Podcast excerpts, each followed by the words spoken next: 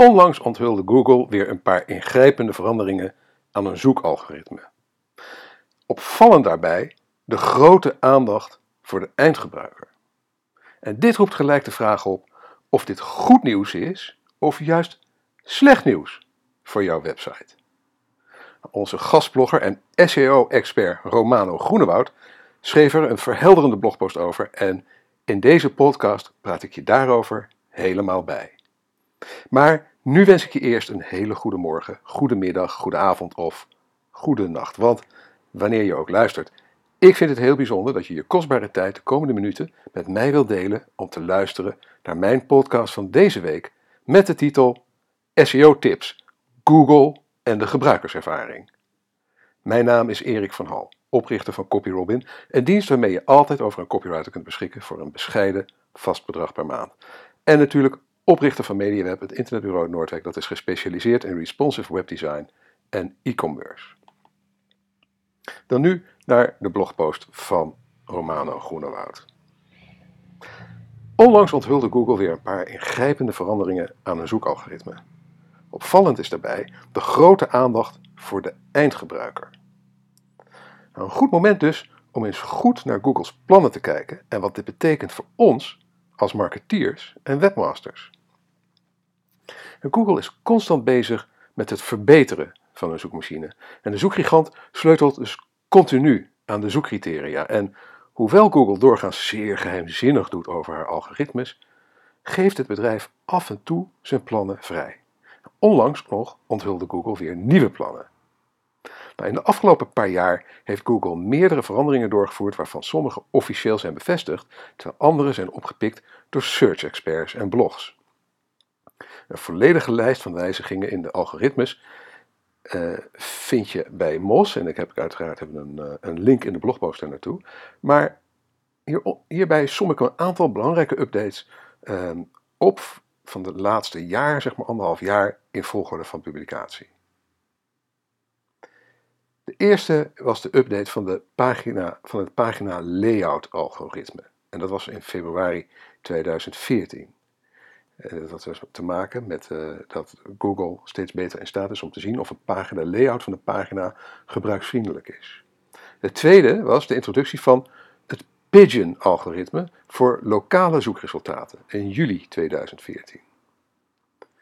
Vervolgens kwam de uh, ranking van websites met HTTPS-encryptie, dus websites die een, een beveiligde verbinding hebben. HTTPS. En dat was in augustus 2014. Daarop volgde de ranking boost van mobiele websites, oftewel Mobile Geddon. Nou, daar heeft bijna iedereen denk ik wel van gehoord. Die werd aangekondigd in april 2015 en uh, uh, of, uh, het, werd aangekondigd in, eind 2014 en werd actief in april 2015. Vervolgens kwamen ze ehm, met de onthulling dat RankBrain, oftewel machine learning, kunstmatige intelligentie, al een langere tijd onderdeel was van de Google-algoritmes. Die onthulling was in oktober 2015, maar het was al actief sinds april dat jaar. Vervolgens wijzigingen in AdWords en de switch van advertenties van de zijkant naar de bovenkant van, zoekmachine, van de zoekmachine-resultaten. Ja, wat, wat betekent op veel mobieltjes dat je op de eerste pagina, uh, op de, zeg maar uh, above the fold zogenaamd, uh, nog alleen maar advertenties ziet. Dus dat je moet scrollen om de eerste organische resultaten te zien. Daarna kwam de tweede ranking boost voor mobiele vriendelijke websites en die werd aangekondigd in maart 2016 en actief in mei 2016. En dan afgelopen augustus verwijderde Google alweer het voor mobiel label uit de zoekresultaten. En wat een tijd lang Ongeveer twee jaar lang zag je uh, op een, in de mobiele zoekresultaat op je smartphone, als een website geschikt was voor een mobieltje, dan zag je daar een klein labeltje staan voor mobiel. Dat is inmiddels alweer verwijderd, omdat al een heel groot deel van de, van de mensen inmiddels een mobiele uh, geoptimaliseerde site heeft. En tenslotte uh, kondigde Google onlangs aan, en dat was in eerste instantie ook de aanleiding voor deze blogpost, het downranken van websites met opdringerige pop-ups. Dit werd in augustus uh, onlangs aangekondigd en het gaat, wordt actief op 10 januari 2017. Nou, Met een blik op deze lijst wordt niet duidelijk wat Google's masterplan nou precies is. We kunnen Google's volgende stappen op dit vlak niet makkelijk voorspellen, maar één ding dat duidelijk naar voren komt, is de aandacht voor de eindgebruiker. De meeste van de punten uit de lijst komen ten goede aan de gebruiker van de website die Google heeft geïndexeerd. Zaken als een beveiligde verbinding, het HTTPS-protocol, en mobielvriendelijkheid komen de gebruiker ten goede. En deze aandacht voor de eindgebruiker blijkt ook uit de plannen die Google eind augustus publiceerde op het Google Webmaster Central blog, link in de blogpost. Want hierin beschrijft Google de wijzigingen die het bedrijf vanaf 10 januari 2017 in de mobiele zoekresultaten zal gaan doorvoeren. En ten eerste is dus het voor mobiel label inmiddels alweer stilletjes afgeschaft. Uit de mobiele zoekresultaten, zoals ik net al aangaf. En websites die toegankelijk zijn voor mobiele gebruikers ontvangen al een hogere search ranking. Dat blijft uiteraard wel. En Google's algoritmes zullen op dit vlak niet veranderen. Maar het bijbehorende label is dus sinds kort niet meer zichtbaar in de mobiele zoekresultaten. Nou, de reden, volgens Google zijn 85% van alle pagina's al geschikt voor mobiel gebruik, wat deze benaming overbodig maakt. En een opgeruimde zoekresultatenpagina verhoogt weer het gebruiksgemak. Dus weer een elementje minder op die zoekresultatenpagina op het kleine schermpje. De tweede wijziging betreft de intrusive interstitial, oftewel de opdringerige pop-up. Dit is een pop-up die je moet wegklikken, of die vanzelf na een paar seconden weggaat, voordat je de content van de website kunt zien.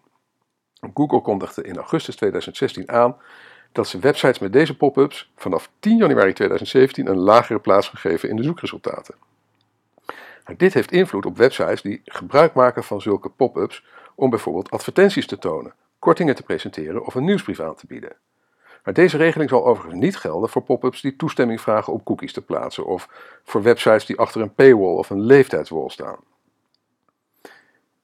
In de blogpost hebben we wat uh, voorbeelden, plaatjes, uh, afbeeldingen van voorbeelden van uh, intrusive interstitials die niet oké zijn volgens Google. Maar goed, het komt erop neer dat de interstitial, dat de, de, de pop-up de hele pagina overneemt en dat je die wel moet wegklikken of moet wachten tot die vanzelf verdwijnt voordat je de achterliggende content kan zien waar je eigenlijk voor kwam. Nou, beide plannen zijn duidelijke voorbeelden van hoe Google websitegebruik en het gebruik van hun zoekmachine wil vergemakkelijken. De zoekmachine resultatenlayout wordt opgeschoomd en door middel van het downranken van websites met opdringerige pop-ups kunnen gebruikers sneller bij de content waar ze naartoe naar op zoek waren. Ze hoeven immers niet meer eerst een pop-up weg te klikken.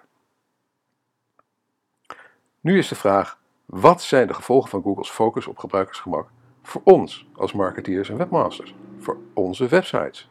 Nou, aan de ene kant is dit een positieve ontwikkeling. Want vanuit een klant is koning perspectief is de focus op gebruiksgemak iets om naar te streven. En wanneer je je website mobielvriendelijk maakt, je gebruik maakt van HTTPS-protocol en geen opdringerige pop-ups laat zien, dan is jouw website over het algemeen prettiger in gebruik. Als beloning daarvoor krijg je een hogere ranking binnen de Google zoekresultaten. Op deze manier zal je meer bezoekers ontvangen die bovendien jouw website beter zullen beoordelen. Een win-win situatie dus. Maar we moeten niet vergeten dat Google een bijna monopolie heeft in zoekmachineland. En zo heeft Google in Nederland momenteel een marktaandeel van 94%. En met dit soort aanpassingen in de zoekalgoritmes dicteert Google dus feitelijk wat websites wel of niet moeten doen. Tenminste, als de eigenaren van de websites hun vindbaarheid in de zoekmachines belangrijk vinden. Nou, als jouw opdringerige pop-up een goede conversieratio heeft, zal je worden benadeeld op het moment dat je deze pop-up in stand houdt. Zelfs al is de pop-up vitaal voor het voortbestaan van je website. Je zult de pop-up vanaf dat moment, eh, vanaf begin 2017, of moeten verwijderen, of moeten accepteren dat je, dat je website een lagere plek krijgt bij de zoekresultaten met alle gevolgen van dien. Google dwingt je bijna om dit soort pop-ups te verwijderen. En dat voelt wellicht oneerlijk. En in de blogpost hebben we een poll waar we je vragen om jouw mening hierover te geven. En de vraag die we stellen is: Google's aanpak van opdringige pop-ups vind ik A. geweldig, ik haat pop-ups. 2 of B. Een twijfelgeval, soms zijn pop-ups oké. En C. Belachelijk, waar bemoeit Google zich mee? Nou, als je in de gelegenheid bent om naar de website te gaan en te stemmen, ik ben heel benieuwd wat jij ervan vindt. Goed. Uh, we waren dus bij gebleven dat het uh, wellicht oneerlijk voelt. Hè, dat Google zo uh, je dwingt om je website aan te pakken op straffen van een lagere ranking. En dat is het misschien ook wel. Maar gelukkig zijn er twee tegenargumenten te noemen. Ten eerste is het vaak geen ramp om te moeten voldoen aan Google's nieuwe zoekcriteria. Denk aan het bevoordelen van mobielvriendelijke websites. Het is in bijna alle gevallen een goed idee om je website toegankelijk te maken voor mobiele gebruikers als dat het nog niet is. Ten tweede is Google langzamerhand marktterrein aan het verliezen in Nederland ten opzichte van alternatieve bronnen van verkeer, zoals onder andere social media. Dit betekent dat je website niet altijd hoeft te conformeren naar Google's ideaalbeeld.